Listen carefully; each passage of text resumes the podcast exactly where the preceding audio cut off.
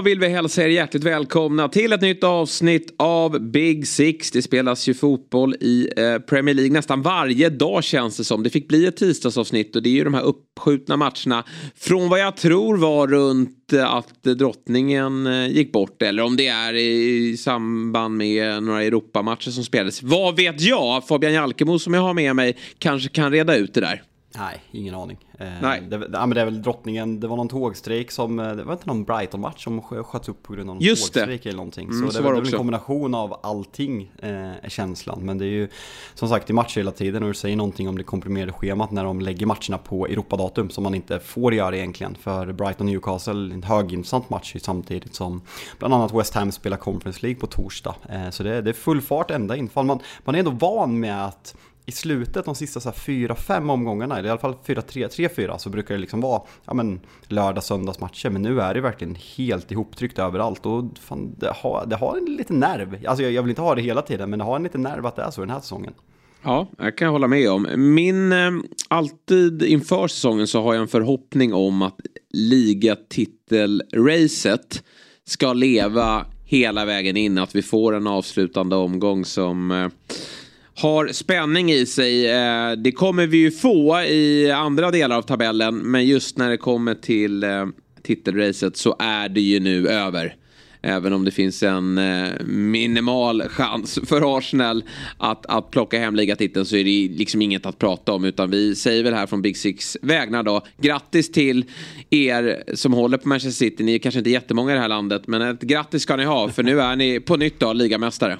Ja, jag såg att Arsenal-supporten och komikern Anders Jansson gick ut och eh, var arg på Arsenal-supportrar och Martin Ödegård som såg sig slagna och bara man måste vara optimistisk och hoppas hela vägen in. Ja, men man måste vara realist också. Alltså, City kommer inte förlora tre raka matcher. Eh, det, det är liksom, vad har City senaste, man har inte förlorat på typ 18 matcher nu. Ska man då torska tre raka? Eh, det kommer inte ske, det, det är klart att det är över. Och och eh, vi ska diskutera lite mer här om det, om det är City som har varit för bra, eh, vilket de på många sätt har, eller hur mycket man kan kritisera Arsenal. Och innan vi tar den diskussionen man måste kunna se en skillnad på att kritisera en säsong och kritisera en run-in. För jag tror att vi alla är överens om att Arsenals säsong, ja men snuddar vi 5 plus, i alla fall 4. För de har överträffat alla förväntningar som finns. Men man måste ändå kunna diskutera eh, den declinen i form som har skett de senaste 15 matcherna. Eh, och det, det tycker jag ska bli väldigt intressant att göra och det kan vi väl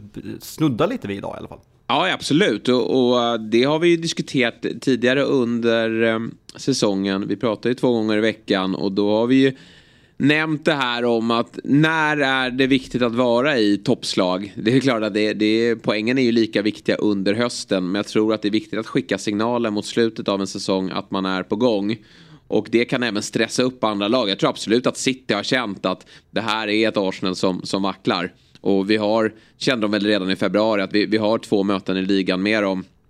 Och vi kommer kunna lösa det här och Arsenal har ju känt hur, hur City eh, har flåsat dem i, i, i nacken. Och det är bara att titta på Arsenals eh, slutforcering av den här säsongen. Alltså senaste sju matcherna har man två segrar. Och det är ju för dåligt. Och, och jag tror att det, det är inte konstigt att, att eh, man kliver in i en, i en svacka men att det sker nu mot slutet av säsongen är ju såklart irriterande. Vi kommer att summera en, en fantastiskt bra säsong eh, från, från Arsenals sida. Sen om det är Nej, men det är väl eh, fyra i betyg kommer jag nog ändå landa i eftersom man inte tar någon titel. Och, och då är det svårt att få högsta betyg eh, i slutändan. Även om att en, här, en Premier League-titel kanske hade varit en, en, det hade varit Glenn Hysén-klass då. Men, eh, mm. men eh, jag tycker att det, det fanns en möjlighet faktiskt att, att gå långt i, i olika kuppspel och det har man inte heller gjort utan snarare åkt ut ganska, ganska tidigt då. Men, men ligaspelet är närmast faktiskt högsta klass. Men det är ju lite frustration för det har ju känts som att Ars alltså, Arsenal gjorde ju bra värvningar i januari och, och breddade truppen och, och fick tillbaka Gabi Jesus här mot, mot eh, avslutningen av säsongen också. Det kändes som att man, och man åkte ut i Europa League också så att det var ju, eh, alltså det fanns förutsättningar för att man skulle kliva in och göra en riktigt bra slutspurt. Men istället tycker jag att man, man ser ganska så slutkörda ut och många av de spelarna som har varit bärande under hösten och, och efter VM, de har inte gått att känna igen. Så att det blir den här rejäla käftsmällen mot Brighton i, i söndags. Det kommer någonstans logiskt. Eh, för vi, ja, man, man, man, blir ju inte ens förvånad över att eh, Brighton kliver ut och är så här bra längre. Nej, och det, det är kul att se att, att de verkligen får göra det på, på, på den absolut största scenen så här på bortaplan. Man slog United i början men det var ett jävligt dysfunktionellt Manchester United. Men att man gör det här på Emirates när Arsenal spelar för en ligatitel eller på något sätt. Om, vi, om, man, om man inte har fått bekräftelse på hur bra de är så fick vi det här om inte annat. Och jag, jag, jag satt och kollade på Match of the Day igår och det var, det var helt sjukt mycket. Alltså så här, jag, jag vill gå igenom lite olika saker. Men de börjar med att prata om Arsenal, alltså vad som har gått fel. Och det känns som, om man pratar med framförallt Arsenal-supportrar så har det blivit en sanning att ja, men William Salibas frånvaro är det som har gjort att vi har blivit sämre. Att man liksom har lagt allt på William Saliba, att Holding inte har varit tillräckligt bra. Men kollar man, Jamie Carragher tog upp det här och liksom visade statistik. Jag kan bara läsa upp det här att de efter VM med William Saliba så släppte man in tionde eh, mest mål i hela Premier League. Eh, Sen efter Saliba gick sönder så ligger man 12 på den ligan. Skillnaden är bara att under de matcherna med Saliba så, snitt, så, så gjorde man flest mål i ligan. Det, det är där man inte har gjort. Man släppte in två mot Villa, man vann med 4-2, man vann med 3-2 mot Bournemouth och Saliba var inblandad i många av de här baklängesmålen. Det är offensiven som har stagnerat så att, den, att det här med att William Saliba skada, det är så här, William Saliba gör sin första säsong i Arsenal. Han kommer säkert bli en fantastiskt bra mittback. Han är redan en fantastiskt bra mittback mittback, men att få honom att låta som Alltså att Liverpool när van Dijk gick sönder i den här sjuka pandemisäsongen, det tycker jag är att att förenkla eh, Arsenals problem och att man har vikt ner sig i prestation över hela planen. Alltså många har ju steppat upp Martinelli senaste tiden, Ödegård har kommit igång, men Sakas senaste två månader. Alltså jämför man med hans form innan, direkt, direkt svaga. Och sen, Saka är ung och kommer bli jättebra, men man måste kunna ställa krav och jag tycker att det är förenklande att bara landa att William Saliba har skadat sig, för jag tycker, jag tycker inte att det stämmer. Nej, och, och Thomas Partey också som nu är bänkad här mot slutet. Han har ju också äh, gått ner sig. Sinchenko är skadad men var sämre mot slutet. Så det är eh, som sagt rätt många äh, viktiga spelare som samtidigt har äh, klivit ner i, i, och, klivit ner i nivå och blivit sämre och det har Arsenal inte råd med när man ska försöka och, och stressa detta eh, fenomenala eh, Man City. Och, och, just i Sakas fall, i och med att Arsenal inte har någon riktigt renodlad striker Alltså Gabi Jesus är ju bra på mycket men han är inte, han är inte skyttekungen. Jag har ju svårt att se honom vara med och utmana om en skytteligatitel. Och då är man beroende av att Saka, Martinelli, Ödegaard hela tiden levererar poäng. Och Martinelli och Ödegaard har, har, gjort det bra här mot slutet eh, vill jag säga även om de inte lyckas göra mål i den här matchen. Och Martinelli kliver ju dessutom av väldigt tidigt på grund av en en skada som inte såg så kul ut. Kanske att han skulle haft rött dessförinnan också, ska nämnas. Men Saka eh, är ju ändå den största stjärnan i den här offensiven och han har ju eh, inte riktigt gått att känna igen och kanske att han, vad det beror på, det, det, är svårt att veta. Det har ju, det är ju en speciell säsong då, eftersom det har varit ett VM mitt i och där fick ju han eh, mycket speltid och eh, sen spelar han ju vecka ut och vecka in i, i, i Arsenal också. Så att eh, han är nog eh, lite i behov av eh, vila här faktiskt. Eh, för det har inte varit Eh, särskilt bra mot slutet. Men eh, som sagt möter ju ett otroligt spelskickligt lag och är du inte i toppslag, äh, har, du inte, har du inte huvudet på rätt plats när du möter Brighton, då monteras du ner. Ja, då ät, de, de äter upp det till slut. Ja men speciellt när de har utdelning på målskyttet. Det har varit Brightons problem, alltså sen Graham Potter kom, att man underpresterar XG hela tiden. Men man skapar ju chanser. Men när det väl smäller, som det gör i vissa matcher, då, då är man så här bra och kan straffa alla lag även på bortaplan. Och det, det, ja. det är kul att man får utdelning en gång. Jag måste bara återgå till, Gary Neville har ju, har ju fått sina mentions bombade av Arsenal-supportrar. Han tog ju upp exempelvis efter matchen att, eh, ja, han tog upp Sinchenko som efter matchen med, när de slår Aston Villa med 4-2 och vände där. Att han liksom, ja men, eh, över timmar efter matchen åkte förbi fans och la upp på Instagram när han, när han firade och Gary Neville så här, man gör inte så här med 15 matcher kvar i en titelstrid. Alltså, det, det må vara tråkigt att det här med klassiska fotbollsspelare, en match i taget, alltså att Arsenals beteende och firande efter vissa matcher har visat hur orutinerade de är, att de blir för känslomässigt styrda medan City är så här, vi är tysta, vi pratar på planen, vi tar en match i taget, vi jagar, vi kommer fira när vi har vunnit titeln. Vad, vad ska man, kan man läsa in något i det här, i orutin, hur man har hanterat att vara i topp liksom? Ja, men så kan det ju absolut vara. Det går ju att titta på detaljer, saker som man har, borde ha gjort annorlunda. Det där har ju Gary Neville bättre koll på än vad, vad jag har. Men det låter ju inte eh, det låter ju inte, låter inte som en City-spelare direkt som, som sysslar med sånt. Alltså Sinchenko har ju varit med och, och vunnit saker. Sen har han inte varit lika bärande i, i City som han är i Arsenal. Men det låter lite väl eh, orutinerat som, som, som, som ni båda är inne på här. Att man, att man gör så. Men det, det finns många faktorer till varför Arsenal inte orkar hänga med. Men framförallt då också att City då är ju eh, suveräna. Nu, det är inte på något sätt något, något poängrekord man kommer nå upp i. Eh, men man, man kommer ju, vad jag förmodar, att gå en bit över 90 i alla fall. Man står väl på 85 poäng va, City? Ja, nej men det är eh. något sånt. Och nu får vi se om man roterar. Alltså jag tror att man, man avgör väl mot Chelsea på lördag. Ja, om inte, om Chelsea... inte tappar redan på, på, på lördag. Eh, när Chelsea, Precis. Chelsea sitter och spelar söndag. Chelsea är ju dessutom en perfekt match för, för City att ha nu. De är dåliga, men det är ett storlag också. Så att City kommer inte på något, något sätt underskatta motståndet utan de kommer kliva ut och vilja tysta Chelsea eh, och, och sen säkra den här titeln så att man kanske kan vila lite spelare i de två sista omgångarna. Sen får vi såklart se också vad som händer i imorgon onsdag med eh, City om de, de tar sig vidare där också. Eh, men men eh, det är eh, ett jobbigt lag att tampas med. Liverpool vet om det. Och eh, nu har även Arsenal fått känna på det att det är, ingen, det är ingen rolig, inget roligt lag att gå jämsides med. Får vi se vad, vad Arsenal gör till nästa säsong då. Om det som alltid så kommer det rustas från, från giganterna bakom och, och, ett lag har ju redan börjat liksom ta fart i form av Liverpool som vi snart ska prata. Men för Arsenals del så, så kommer det rapporter nu då från brittiska medier om att eh, ett, eh, ett ganska så stort bud ska läggas på West Hams eh, och Englands eh, mittfältsankare Declan Rice. Och, och, i mina öron låter det väldigt bra. Jag tycker att Arsenal har ju Ja, men del, de har börjat bredda laget eh, tycker jag i, i januarifönstret här men, men också lite under tidigare fönster och, och värvat in kvalitet. Men här värvar man in superspets. Mm. För Declan Rice kommer ju vara hur fin som helst på det centrala mittfältet. Ja, nej, men jag, jag håller honom jättehögt och det där, det där är kul när man diskuterar med folk som följer andra ligor som ser Declan Rice som extremt överskattad. Eh, så det ska bli kul att se honom. Han har gjort det väldigt bra i både EM och VM, men att se honom på den yttersta högsta nivån och spela Champions League nästa år. Sen om man går till Manchester United, om man går till Chelsea eller om man går till Arsenal eller till och med City som det har börjat ryktas lite om. Det, det, får vi se, men känslan är att han kommer gå till någon av de här fyra stora klubbarna. Och eh, Arsenal, det, det är så jävla svårt att sia om Arsenals framtid, för kollar man historiskt sett eh, så Manchester United, Liverpool, Chelsea, Manchester City, de har bättre ekonomiska förutsättningar. Arsenal ligger där ganska tydligt på femte plats.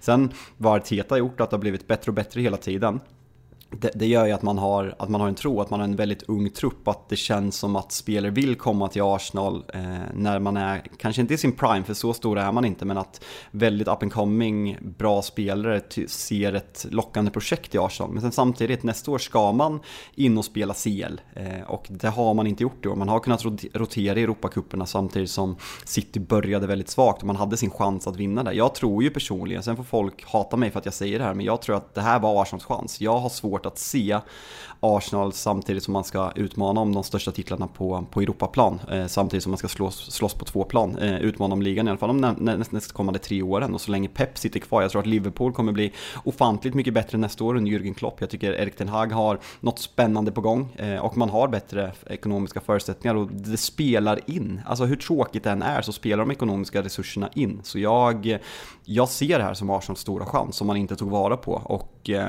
men sen samtidigt som jag säger, Arteta har gjort det jävligt bra, så är det någon som ska göra det så är det han. Så det, det ska bli jävligt kul att se och Declan Rice vore en fantastisk värvning för dem, utan tvekan. Ja, Spännande sommar som väntar för många klubbar. Det, det, tycker man väl alltid vid den här tidpunkten på året. Det är många som ska försöka eh, försvara det man har gjort i år bra och, och, försöka utveckla det. Och så de som har varit helt bedrövliga som, som måste hitta tillbaka då, i, form av Chelsea. Chelsea. Och, ja, men lite så är det väl. Och, och, och Liverpool hade vi sagt så om för några eh, veckor sedan. Men nu får vi se om de har vaknat för sent då. Men nu är det ju som så att Liverpool är i, igång. Och Eh, Eh, vi får väl kliva in på matchen eh, igår då, mot Leicester. Jag måste bara säga det. Alltså startelvan Leicester ställde på banan igår. Den ska ju inte kunna åka ur Premier League. Nej, jag, för jag fattar inte vad som har hänt. Det är så jävla svårt att analysera. Jag kommer ihåg i början där när vi bara, men de kan inte åka ut. Och sen så kom, gick de ju på en run om det var precis innan, innan VM och gick upp så här, låg 12 och man så här, det är klart. Och sen vart de usla igen. Alltså det där är ju ett lag Alltså kollar man på pappret, det där är ju ett lag som tidigare utmanat om Europaplatser. Absolut. Jag, jag får inte ihop det. Fine att Jamie Vardy är sämre och att Johnny Evans har varit skadad och är äldre men alltså det är många spelare i bra ålder. Thielemans, Ndidi, Madison, Barnes, eh, alltså Patson Daki, Johan Nacho. Alltså det är bra spelare, Ricardo Pereira, Castan, alltså det, jag fattar inte. Nej, jag har så svårt att, att, förstå det och det här är ju en, på nytt en, en, en slätstruken insats. Sen är ju Liverpool bra också. Det är en hemsk motståndare att möta nu när Leicester vet om att de har de problem de har bakåt. Nu får de ju äntligen John, Ev John Evans till spel här då. men, men eh, han har ju inte spelat någonting eh, på slutet och det är klart att han det är lite väl höga krav att ställa på honom att han ska kliva in och, och hålla tätt här eh, tillsammans med Faes i, i backlinjen. Utan eh, Leicester är ju ihåliga och eh, det här nyttjar ju Liverpool. Eh, segersiffrorna hade ju kunnat Eh, Eh, bli ännu större om, om det hade varit lite skärpa från, från vissa spelare. Men Liverpool städade av Leicester på ett utmärkt sätt och mycket pekar på att de går rent så får man ju se här då hur långt det räcker. Men jag tror att framförallt vad skönt för Klopp är att han, han börjar få svar från vissa spelare. Att, att de ska vara med på, ja men de kommer förmodligen Alltså att de ska vara med, alltså att Liverpool skulle göra sig av med Trent Alexander-Arnold, det finns ju inte på kartan någonstans ändå. Men att han dessutom är att räkna med i toppslag i augusti, det tror jag att Klopp kommer börja eh, det tror jag Klopp kan räkna in. För det är jäkligt kul tycker jag att se Trent Alexander-Arnold hitta tillbaka. Man har sett eh, snabba förfall inom fotbollen och, och, man har känt en oro kring Trent Alexander-Arnold. Han har alltid hånats för sina defensiva eh, svagheter. Men, men offensiven har ju alltid varit hans styrka och det som har fått honom att sticka ut. Men den har man inte sett så mycket av eh, det senaste året. Men eh, i den här nya rollen då eh, som är ja, högerback i försvarsspel men framförallt på ett centralt mittfält då, i offensiven. Det gör ju att Liverpool blir lite av ett nytt lag. För den där högerfoten den är ju en av de bästa i världen. Ja, nej men verkligen. Och jag, jag lyssnade på en intervju med Jürgen Klopp inför den här matchen när, när de pratade om nej men hans ändring och att han... Eh, och då sa Jürgen Klopp att alltså, vi har alltid fått ha en mittback och en mittfältare som fått täcka upp för Trent Alexander-Arnold på, på högerbacken. För att han är så offensiv. Och det är likadant nu, bara att i år så har han fått mer kritik för att vi har släppt in mer mål. Eh, att det är liksom slumpartigt, eh, mycket slumpmässigt. Men även att han har ju samma position i försvarsspelet nu. Eh, så försvarsspelet är liksom, det ska ju också hyllas för att det har blivit bättre. Och sen är det väl att han, han gick väl in i den här rollen, om det var matchen mot, ja men rätt, det kanske var ja men där innan, om det var mot Chelsea eller om det var mot Arsenal. Så det är alltså två kryss och sen sju raka vinster i ligan sen han klev in på den där. Han är väl etta på mest skapade chanser och, och eh, mest passningar och så här, alla, alla de där eh, statistikerna som finns. Så det, det är ju väldigt om Liverpools fans var deppiga för framtiden och sa att det liksom, jag tror de byn sa att de behövde byta ut 8, 9, 10 spelare så känns det här laget väldigt, alltså breddar man kanske lite en ersättare på högerbacken, James Milner kommer försvinna, Joe Gomez är inte tillräckligt bra. Eh, backlinjen är klar om man värvar en backup till van Dijk och Konoté. Det är ju mittfältet, du behöver två nya mittfältare. Curtis Jones har ju dock blivit, jag vet inte vad han har blivit, han har blivit svinbra helt plötsligt. Men offensiven, Gakpo har kommit in i det, varit kritiserad i början, Jota kan inte säga riktigt vad han är bra på, men han är svinbra. Eh, Darwin kommer ju bli bättre nästa år. Luis Diaz har varit skadad hela säsongen. Och Mohamed Salah, ja men det där Afko, Salah efter Afghan, det är, bara, det är bara att lägga ner nu. Tre assist igår, han, han är tillbaka på riktigt. Så fan, skulle jag prata odds nu, Liverpool är andrahandsfavoriter att vinna ligan nästa år. Och det är mycket på grund av att man ser att ja, men Klopp har hittat en ny tändning och att han gör det under säsong. Det är, Kolla Chelsea, kolla Manchester United förra året. När man börjar dåligt, när man kommer in i en dålig trend, det är så jävla lätt att det bara fortsätter vara håglöst och att man ser suicidala ut på plan. Men det här ska Klopp ha jävligt mycket cred för, att han har vänt där under en säsong och eh, är på väg att ta Champions League för jag, eh, de går rent, så det är upp till United och, och, eh, och Newcastle. Newcastle har en rugg, ruggigt tuff match på torsdag mot Brighton som jag tror kommer att avgöra väldigt mycket. Ja, vinner de den då kommer de fixa det. För de kommer att slå Leicester på hemmaplan. Det är ingen svår match. Den kommer Newcastle vinna inför ett kokande St. James' Park. Sen är det ju Chelsea sista omgången. Där är ju faktiskt Newcastle favoriter också. Men, men ja, det är ändå liksom Stamford Bridge. Och, och det, framförallt det man ser då lite i, hos Newcastle-spelarna nu är att de börjar bli lite stressade. De är inte vana vid, vid det här. Och eh, de är... Eh, Ja, men lite. De, de är inte riktigt i, i, i uh, toppslag just för stunden. Men, men Brighton-matchen här blir ju väldigt viktig och den blir, ska bli jäkligt häftig att se. Det är ju två av årets eh, stora sensationslag. Eh, Eddie Howe, eh, De Serbi har gjort det riktigt, riktigt bra och eh, ett Brighton som vill äga mycket boll men ett Newcastle som, som jobbar väldigt hårt i pressspelet och är bra på att eh, eh återerövra boll. Äh, det blir en riktig smällkaramell här på torsdag som jag hoppas att alla verkligen ser. Det finns ju ett svenskt intresse i Alexander Isak men framförallt så finns det ett intresse i vad de här, hur skickliga de här tränarna är. Men den matchen behöver Newcastle vinna poängtapp där, ja, då börjar det bli stressigt. Då, då kommer det flåsas. i sista. Alltså med, just med ja. alltså den mentala aspekten att Newcastle, ingen spelare i stort sett har varit i den här situationen. Samtidigt som Brighton, vinner de nu, då har de Southampton hemma och sen har de City hemma. City har redan avgjort ligan här med all säkerhet och har en FA-cup och troligtvis en Champions League-final som, som kommer upp. Så hur, hur påkopplade kommer City vara i den här matchen? Alltså Brighton kan också gå rent. Liverpool ja kommer gå rent och Manchester United, ja, jag, jag tror att vi löser det. Bournemouth har inget att spela för jag tror United löser segern här på lördag och sen har man två hemma, hemmamatcher. Eh, och där har man varit ja, men, otroligt stark i år så jag tror att United löser det. Men känslan är att det skulle kunna leva mellan alla de här fyra lagen i sista omgången och det, det hade kittlat så jävla mycket.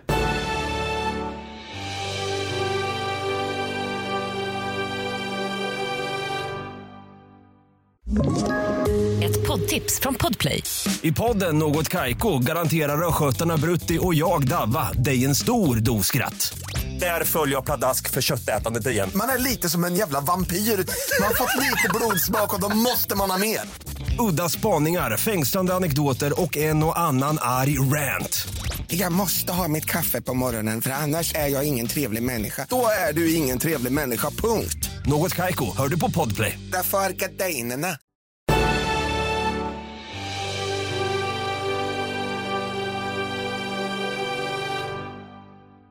Mm. Nej, det kan bli ett häftigt race om den här så otroligt viktiga tredje fjärde platsen. United är ju dock på en, på en bättre plats än vad, vad de var när vi pratade sist. Det behövdes ju en seger, eh, vilket de fick här då, mot, eh, mot eh, Wolves var det. Mm. Eh, och, och uh, ja, det, jag, jag trodde ju mycket på dem på förhand. Men, men uh, dels för att Wolves är ju väldigt svaga på bortaplan. United är väldigt starka på hemmaplan. Men sen kommer man från två raka förluster. Också den här nerven som, som uh, smyger sig in nu i, i United-led också. När det har känts så klart här och att Liverpool har varit långt efter.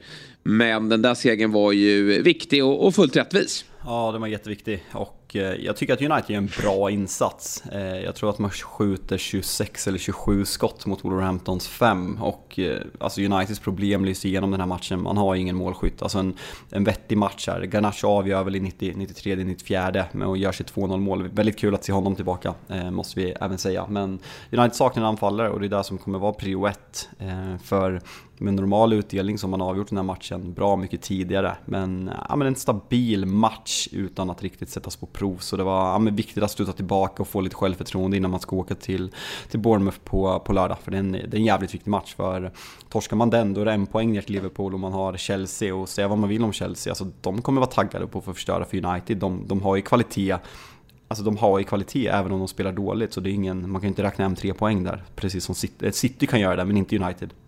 Mm. Sen handlar det väl mycket om att få tillbaka Rashford här också. Missade ju matchen. Ska väl inte vara någon större fara va, som jag förstått det. Men eh, han, eh, ja, honom behöver de ju i de sista matcherna här. Ja, verkligen. Nej, men det är jätteviktigt. Sen, alltså Sancho, oh, oh, man börjar nästan ge upp där. Eh, mm. Tycker inte att man ska sälja i sommar, man, han måste få ett år till. Men han ser, han ser vek ut, han ser pojkig ut, han ser nervös ut, inget självförtroende. Och eh, jävligt deprimerande, så hypad som han var på den värvningen. Men eh, ja, nej, Rashford måste in. Tycker Bruno Fernandes är matchens bästa spelare och ska ha cred för den säsongen han gör. Eh, mm. Kritiseras ofta, jag har kritiserat honom att han är för direkt och spelar för, för mycket chans. Men när Bruno inte spelar så är vi ett otroligt mycket sämre lag. Så jag tycker han ska cred för sin säsong även om poängproduktionen inte har varit som vi har varit eh, vana med tidigare. Boost också för laget att Varann är tillbaka då, så att då kan ju... Alltså, Shaw har gjort det bra eh, mm. som mittback, verkligen. Men jag tycker ändå att det, det ger en höjd att ha honom också ute till vänster. Det blir ett mer funktionellt och bra lag, eh, tycker jag. Eh, när, när Varann också, som är viktig för, för defensiven, eh, hittar in igen. Nej, men det är skönt för, för United, eh, som har ju två matcher då, på hemmaplan kvar. Och eh, har ju råd med en förlust till, va? Dessutom. Stämmer. Ja, nej, det, det, det, ska väldigt mycket till att de, de sumpar här. Utan det är framförallt då Newcastle som är livlinan då för, eh, eh för Liverpool. Du, eh, i eh, nedflyttningsstriden börjar det också klarna allt mer får man väl ändå säga. Det, ja, det är bara att titta i, i, i eh, hur många poäng de har. Att det, det, är fortfarande möjligt för alla klubbar att, att fixa det. Men ska man kolla på schema och jämföra så konstaterar vi väl ändå att de två lag som just nu ligger under strecket det är Leeds och Leicester och de får jobbet att, att lösa det här för de har ganska tuffa motståndare kvar. Leeds hade ju chansen här alltså. Det, det är, man tar en 1-0 ledning, eh, givetvis trotjänaren Luke Ayling som gör 1-0 målet och så får man en straff. Patrick Bamford kliver fram och bränner får inte missa den. Och sen drar Nej. man på sig två klantiga straffar efter, eller Hansen är väl inte mycket att snacka om, men alltså försvarsspelet på första straffen är ju horribelt. Och det är så tydligt, alltså ett lag i motgång. Sen, alltså jag tror, alltså Sam Allardyce, utan Sam Allardyce så tror jag inte att man hade hade vänt på det här. Eh, tror jag inte. Eh, jag, jag, alltså kollar man Evertons schema, de har alltså Wolverhampton borta, vilket är en tuff match ska sägas. Wolves är jävligt starka hemma, men de har inget att spela för. Sen avslutar man väl mot, mot Bournemouth på, på hemmaplan, så det är ett tacksamt schema. Nottingham har alltså Arsenal hemma och Pallas borta. Jag tror att man kan ta något på, mot Arsenal i helgen. Eh, mm. Leicester tycker jag vi kan räkna ut. Alltså de, de är för dåliga och ska åka, ska åka till eh, Newcastle. Eh, och det kommer inte räcka med att de vinner mot West Ham. Jag tror faktiskt inte det. För jag tror att Leeds, Leeds schema på pappret kan se ganska tufft ut. Men man möter West Ham tre dagar efter de har varit i Holland och spelat mm. Conference semifinal där allt fokus kommer vara. Och sen i sista matchen möter Leeds Tottenham på hemmaplan. Och där håller jag Leeds, alltså om vi bara ska prata nu, två och en halv vecka innan, håller jag Leeds som ja, men ganska stora favoriter. För Tottenham har checkat ut fullständigt och är direkt usla just nu. Ett kokande Ellen Road om man har eh, liksom Premier League-kontrakt att spela för. Det, det, kan bli en ganska passande uppgift för dem. Så jag, viktigt för för Everton att ta de här poängen. För jag tror att Leeds minst kommer ta tre poäng i de här två matcherna. Ja, nej, jag är med dig där. Leeds är verkligen, de, de har möjligheten. Och det, synd för Leeds del att de inte tog det på allvar tidigare. Och då menar jag på att när de sparkade i March att de skulle hitta någon ny form av processtränare, långsiktig lösning i form av Xavi Gracia när de hade Big Sam leder där. Nu, nu ska jag inte säga att han har gjort någon succé, men han vet ju vad det innebär. Lite som Sean Dyche vet också vad, vad man får för uppdrag. Att nu handlar det om att eh, rädda kvar klubben. Och att, att Big Sam kommer in med fyra omgångar på slutet, ja, det har fått en liten effekt verkar det som. Men det kan ju mycket möjligt vara som så att det är för sent. Och, och um, det, det, vi får se hur, hur, eh, hur många poäng man, man eh, tar i spurten. Men jag håller med dig om att just möta Spurs här i den eh, sista omgången, det är ju en match faktiskt som Leeds bör fixa. För det är inte särskilt muntert då i, i, i Tottenham-led som mest känns som att de går och planerar inför nästa säsong. Hur ska det här inte upprepas? Hur ska en sån här fiaskosäsong inte ehm, eh, ske igen? För Spurs, vilken usel säsong man, man gör ändå. Hur, hur många bra matcher tycker du att Spurs har gjort i år? Alltså på, på rak arm kommer jag inte ihåg. Jag kommer inte på en enda. Alltså, de, det finns säkert någon. De ligger sjua, samma poäng som Aston Villa. Och känslan är att de har fått, ja, men de har fått maximal utdelning på de här poängen. Ja. Alltså, alltså, man, alltså Contes första halvår den här säsongen. Kommer ihåg fortfarande hur man pratade, att vi pratade att man var så jävla dåliga. Man släppte in första målet i typ så 14 raka matcher och sen så vände man. Mycket last minute winner på grund av Harry Kanes briljans som inte ska förringas för han är en del av laget. Men Alltså tänk dig Harry Kane, att han har gjort det så bra i det här pissiga, destruktiva Spurs. Alltså det här är typ Harry Kanes bästa säsong i karriären. Det låter sjukt, ja. men jag tycker typ det. Ja, nej men det får nästan sägas. Man vann ju 1-0 hemma mot eh, City tidigare i år. Eh, då, då är det ju, eh, det, det, är väl en, det, vad jag kan minnas så var det en, en, en stark insats såklart. Men i övrigt så är det inte många överprestationer eller liksom maxprestationer från, från eh, Spurs sida. Och det här är ju en, en deppig insats på nytt. Jag, jag satt och kollade på den här matchen och det är ju Aston Villa som är det klart bättre laget. Eh, Spurs har några omställningar där Sonny är offside men, men, men det, det händer ingenting. Det finns ingen idé offensivt och nu eh, pratas ju såklart fortsatt om nya tränare. Det har ju känts som att Nagelsmann har varit huvudspåret men nu kommer det ju trovärdiga uppgifter om att det inte alls är honom man ska gå för. Och att det är, ganska ovisst. Och Det har dessutom seglat upp som ett, en ganska tänkbar lösning. Verkar det som att, att Mason ska få vara kvar det kan ju inte ske. Så jag tyckte de här rapporterna med Nagelsmann var så jävla luddiga. Typ så här Tottenham, nej men det har inte varit aktuellt. Alltså känslan är ju verkligen att har Nagelsmann verkligen varit, varit intresserad av det här? Alltså det kändes ju som att Nagelsmann ganska tydligt sa nej till Chelsea för att han, ja, men efter möten, att han inte liksom kände viben med, med Todd Bowley. Åh fan.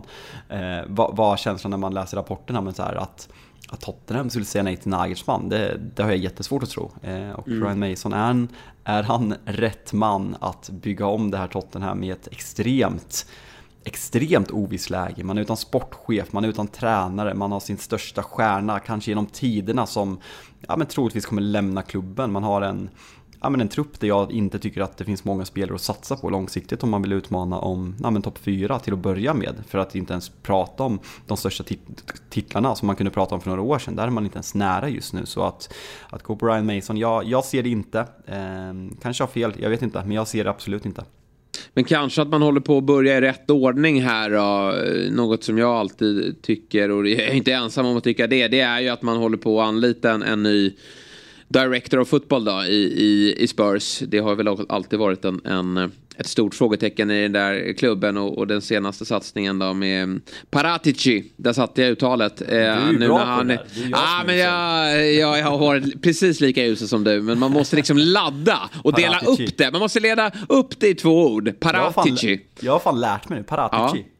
Ja, jag vet. Men sen så när du ska berätta om hans värvningar då ska du lägga till ett S där också. Paraticis värvningar.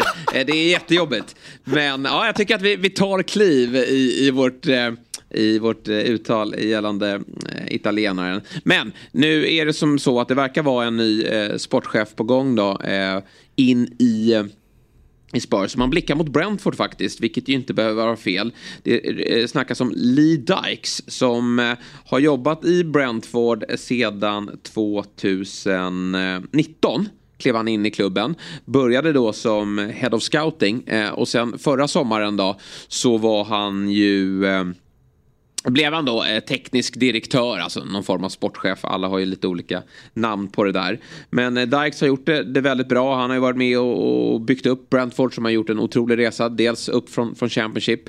Eh, men sen också då att man har etablerat sig i högsta ligan. Han tog ju dit Tony och Mboemo och, och allt vad de heter. Så det är en, en eh, sportchef som har gjort det bra i en, i en mindre klubb och eh, det sägs då att man eh, är nära. Och det är väl rätt att börja så att man plockar in någon Eh, som, som, som får sätta en, en organisation såklart med, med Levi som, som har saker att, att säga till om fortsatt. Eh, men eh, sen så, så ska man väl försöka hitta, ut, hitta en tränare och då kanske det blir eh, Brentfords tränare Frank här som, som eh, följer med.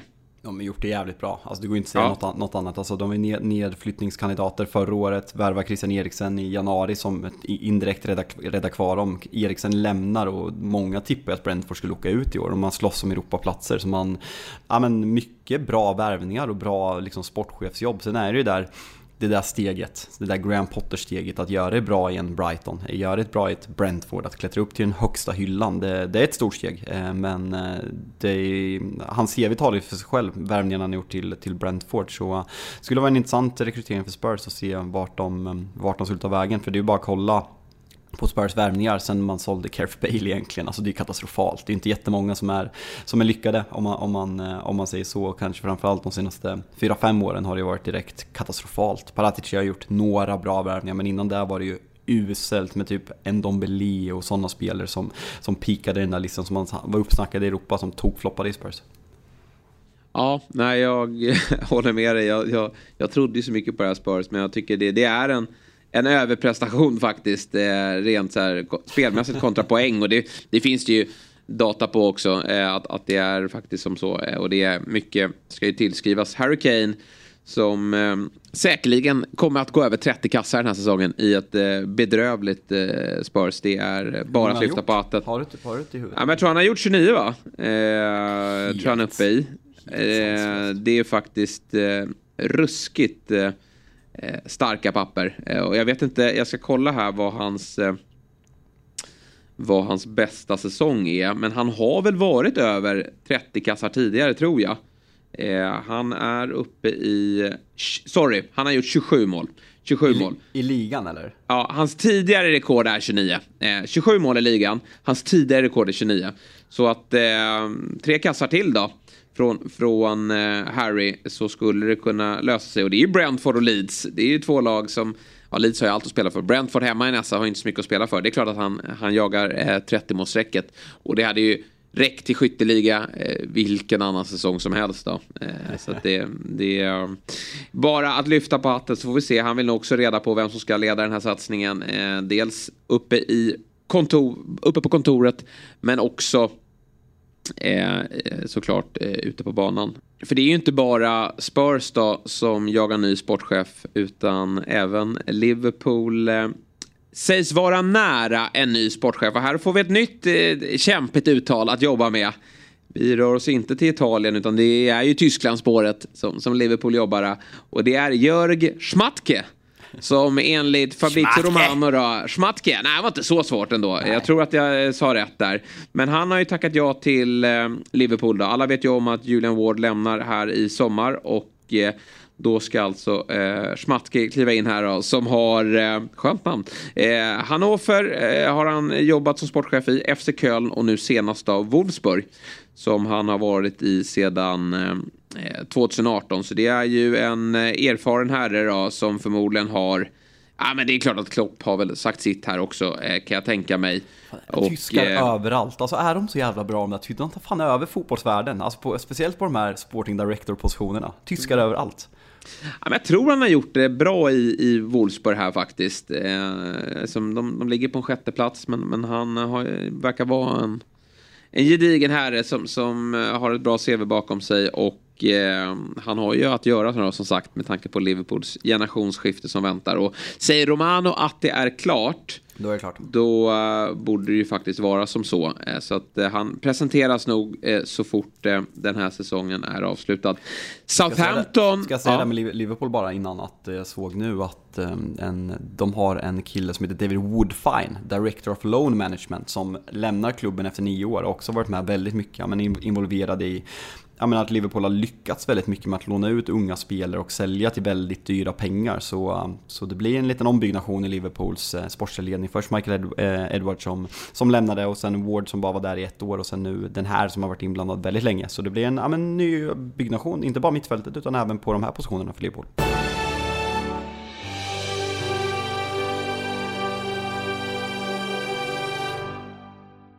Ett poddtips från Podplay. I podden Något Kaiko garanterar östgötarna Brutti och jag, Davva, dig en stor dos skratt. Där följer jag pladask för köttätandet igen. Man är lite som en jävla vampyr. Man har fått lite blodsmak och då måste man ha mer. Udda spaningar, fängslande anekdoter och en och annan arg rant. Jag måste ha mitt kaffe på morgonen för annars är jag ingen trevlig människa. Då är du ingen trevlig människa, punkt. Något kajko, hör du på podplay. Därför är gardinerna.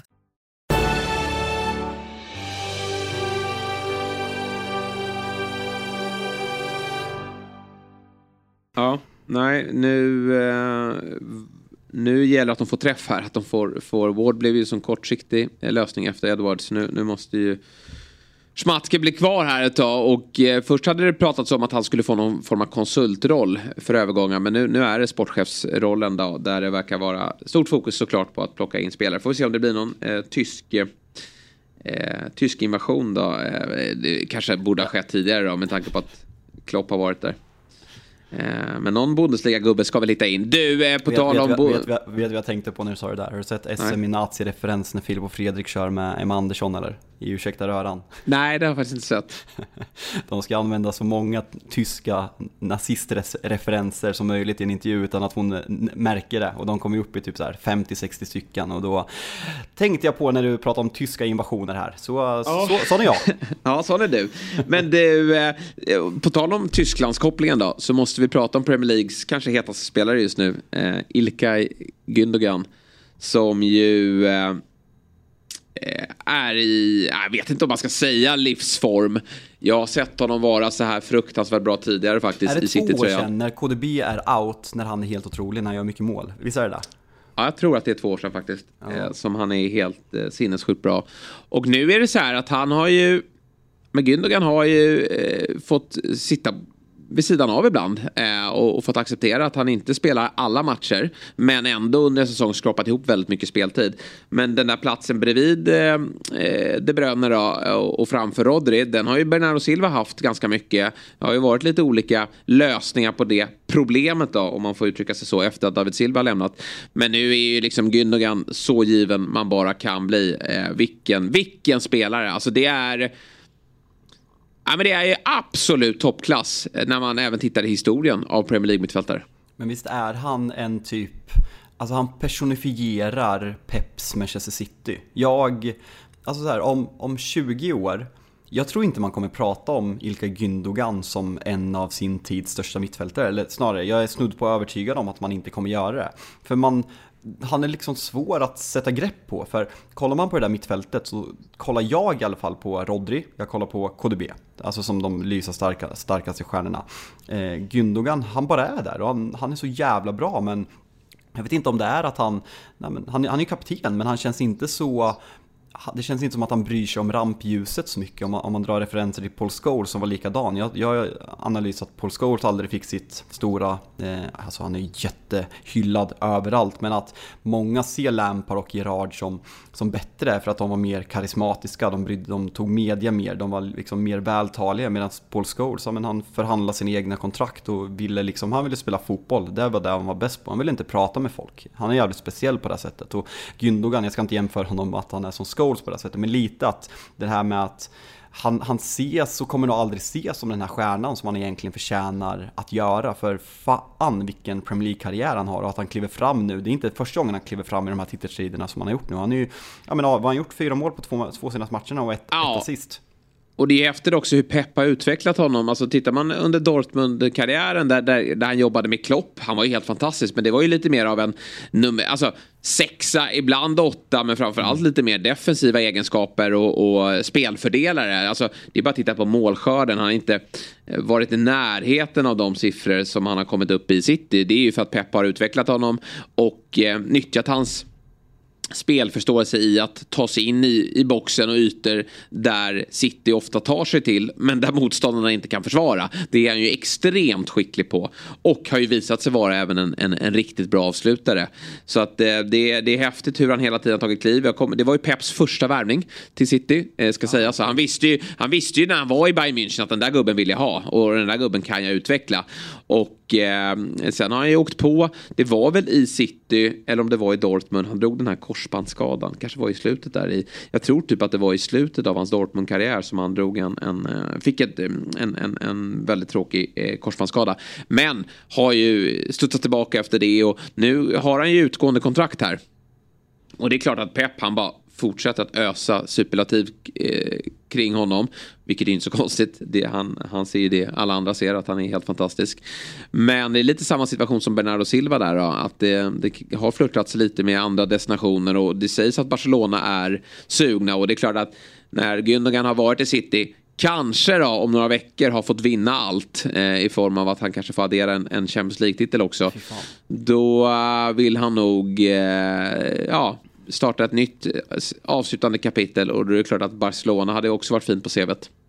Ja, eh, det, blir, det snackas om att det är kontraktslängden som, som skaver lite men känslan är att Pep är extremt taktisk nu, hur mycket han hyllar honom på presskonferenserna. Att, alltså kan han skriva ett tvåårskontrakt så är det perfekt, han är född 90 Disson är väl alltså 33 år. Eh, så att man kan ha kvar honom tills han är 35. Barcelona, det är ju sånt jävla luddig klubb, det känns som att man bara värvar allt som är gratis för att. Kolla Frankie C tog man från Milan som hade gjort det jävligt bra förra säsongen. Och eh, han har ju knappt fått spela någonting, så man Pedri där, eh, man har Frenkie de Jong så vart liksom hur ska man ta in Busquets i det där? Det är klart att han kommer få spela men jag ingen direkt given position till honom. Eh, så jag, jag, City, jag tror att City kommer gå all in, eller all in, men jag tror att man kommer göra allt för att behålla Gündogan. Känslan är väl om det finns någon som kan betala pengarna att Bernardo Silva är förlorad i sommar. Det har varit för många år nu som han ja, men man har verkligen fått vibben att han vill lämna. Eh, sen har han liksom ställt upp och varit kvar för att han är en extremt, ja, men verkar vara en fantastiskt fin människa och väldigt respektfull mot, mot Pep och eh, mot, mot laget. Men känslan är att, jag har svårt att se båda lämna. Det skulle vara jävligt stort slag för Manchester City för de är ganska liknande spelare och kan spela i, ja. eller de är inte liknande spelare men de är liknande spelarpjäser i Peps ja. truppbygge och de är extremt viktiga utan att vara de största stjärnorna. Så jag tror att City skulle förlora enormt mycket på att bli av med en, men framförallt båda att 2. Ja, och där måste ju verkligen då eh, City agera. Eh, och om de tappar både, ja, även om de tappar en, så måste de ju förstärka. Jag ser inte riktigt någon, någon ersättare i dagens trupp. Alltså Calvin Phillips, han är ingen... Ja, det är väl Pep då som skulle kunna eh, ändra hans spelstil. Men, men det känns inte som där. att han... Det tar ju, tre, det tar ju tre ja, år. Kolla exakt. på Ake, kolla på ja. Grällan. Alltså, han löser Sant. Alltså. Ja, nej, han kommer säkert få mer speltid om, om det sker. Men, men annars så behöver man nog även titta utanför laget. Eh, det blir väl John Stones då som, som kliver fram ytterligare eh, i, i, banan här och tar den centrala mittfältspositionen. Cole Palmer. Eh, ska In, inverterad väl... offensiv mittfältare. Ja, Vad tror du om den? Exakt. Ja, precis. Nej, men det kanske skulle City kunna gå för. Han är lite för offensiv. Alltså, han är mer lik kanske Bernardo. Jag tänker på James Madison, men jag tycker inte han är till, tillräckligt bra heller. Caicedo, ja, Caicedo hade varit bra i den rollen. Ja, det, det hade faktiskt kunnat funka. Han känns Liverpool-bound. Ja, det känns som att Liverpool är på där och även har du ju Ja men Declan Rice kanske då för, för uh, Citys del men där är väl Arsenal i, i, uh, i framkant då. Men uh, City då har ju returen då på Etihad på onsdag. Vi pratade lite om den redan i fredags då när vi tog ner första mötet. Men vi förväntar väl oss en snarlik elva som, som gick ut på, på Bernabéu va? Ja, det skulle vara Maké tillbaka. Eh, Just det. Enda, enda förändringen, men jag har faktiskt inte hört något där. Eh, han är, ja. jo men han är much better som, som Pep sa här men, men han var inte redo då mot Everton. Han kanske är ja. redo i den här matchen, det skulle han ja. definitivt kunna vara. och, då, eh, mm.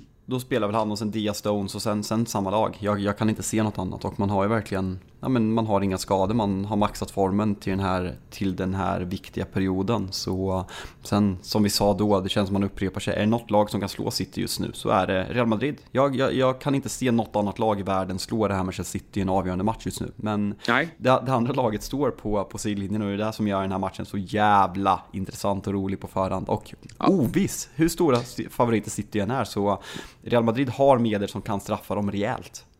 Absolut. Det här ehm, det blir väl en liknande matchbild. Kanske ännu mer trick från City och ännu mer farliga omställningslägen för Real Madrid. Och, och då är det Eh, otroligt eh, ovisst i, i, kring hur det här eh, ska sluta. Men eh, City håller vi väl ändå som, som eh, favoriter, alltså knappa favoriter i det här mötet. Spelbolagen har så som stora favoriter. Det, det har inte jag.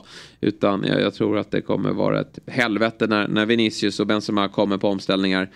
Men att vi får en, en underhållande match, det, det, det är ju helt givet. Ja, nej, men det, det, ska bli jävligt kul och samma sak med, med West Ham som åker till, till uh, Holland. Jag kör ja. Holland, jag orkar inte säga Nederländerna. Nej, det går ju alldeles utmärkt. Ja, tack. Eh, du har sagt betydligt att... mer kontroversiella saker i den här podden, Fabian, än att du säger Holland. jag, tror inte det, jag tror inte det är det som ska få... Eh, det, det, blir inte droppen som får bägaren att rinna över för, för folket. Cancellera ut mig. Ja.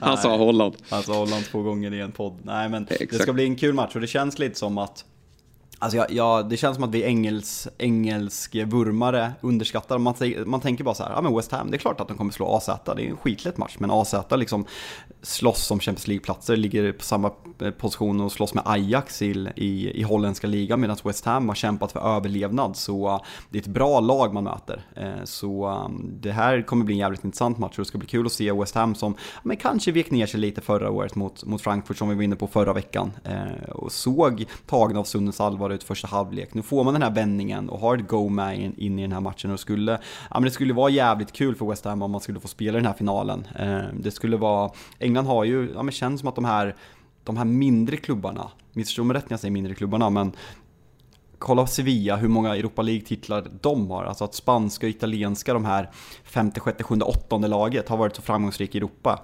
England har varit ganska dåliga där det är väl Fulham som, som tar någon, vinner de eller går de bara till final med eh, när Roy Hodgson är där och Breda Hangeland och det där rövgänget. Det, det är länge sedan alltså. Ja, verkligen. Nej, jättekul att få ett litet doldislag då med, med såklart bra supporterskara. Sjöslaget i Prag ser vi ju verkligen eh, fram emot här och, och, väl där så känns det som att man kommer vara favoriter också att, att vinna hela skiten och det hade varit en en bra avslutning för Mois säger jag. För det är väl jättebra att gå skilda vägar sen. Ja, nej, men det tycker jag verkligen. Eh, och det är en passande uppgift. Alltså Basel, vad ligger Basel? Jag tror Basel ligger femma i schweiziska ligan.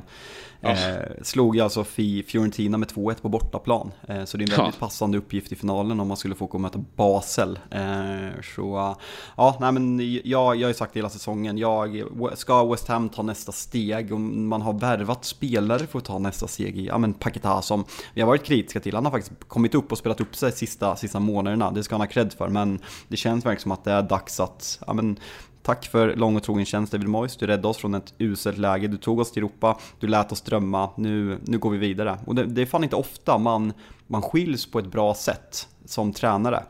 Alltså att han Ja, men jag, Nej, jag, tror, så, jag tror ju såklart att David Moyes skulle bli väldigt ledsen eh, och liksom att han vill fortsätta den här resan men jag tror kanske att han skulle ha förståelse för det så att det liksom inte blir en, en sparkning på det här sättet. Mer Nej. mutual agreement så kan han ta Everton och ta upp dem från Championship så sluts den, det här kapitlet också. Jättefint, bra för alla inblandade. Ja, jag tror att det är bäst för, för alla parter om Moyes eh, kliver vidare och West Ham får liksom se Premier League-säsongen som ett litet mellanår och sen förmodligen vara med och, och försöka göra upp bland lagen bakom de, de, eh, de, stora jättarna. Ett lag som kommer vara det nästa år om De Serbi är kvar, eh, det är ju också Brighton då. Och den matchen eh, ser vi såklart fram emot på torsdag. Men det du, vi spelar väl in torsdag va? Efter City mot eh, Real. Ja, nej men det, jag kan ha en golftid vid nio, så efter det här, om det, vi, vi försöker få ihop det på något sätt. Ja, vi ser när vi, när vi är tillbaka helt enkelt, men en eh, kittlande vecka framför oss då med en eh, händelserik, eh, eller en häftig match på onsdag och två eh, fina matcher då, i form av West Hams retur och toppmötet Newcastle mot Brighton. Nu har inte Isak gjort mål på ett tag här. Han måste eh, kliva fram här nu och, och visa att han är väl värd investeringen och skjuta Newcastle till eh, Champions League. Det hoppas ju inte Liverpool-supportrarna på, såklart. Men det blir en kul match eh, på torsdag. Bra, har vi något tillägg till det? Nej, alltså det blir väl lite, lite kortare avsnitt nu när det känns mm. Eh, som vi är i sluttampen och det känns mycket upprepningar. Men vi, eh, vi försöker hitta roliga diskussionsämnen för att ta den här säsongen i mål. Och det är ju som sagt, det är ju ruggiga matcher nu bara den här veckan. Alltså West Ham kanske inte kittlar så jävla mycket. Alltså den har ju någonting, men det är ju fokus för min del, jag misstänker för dig också, på, på Newcastle Brighton och sen framförallt ja. på matchen, matchen på Etihad på onsdag. Så det är två, två otroliga matcher som vi kan snacka ner nästa gång vi ses. Ja, det blir alldeles utmärkt. Eh, tack för det eh, Fabbe och tack till alla er som har lyssnat. Vi hörs mot slutet av veckan igen.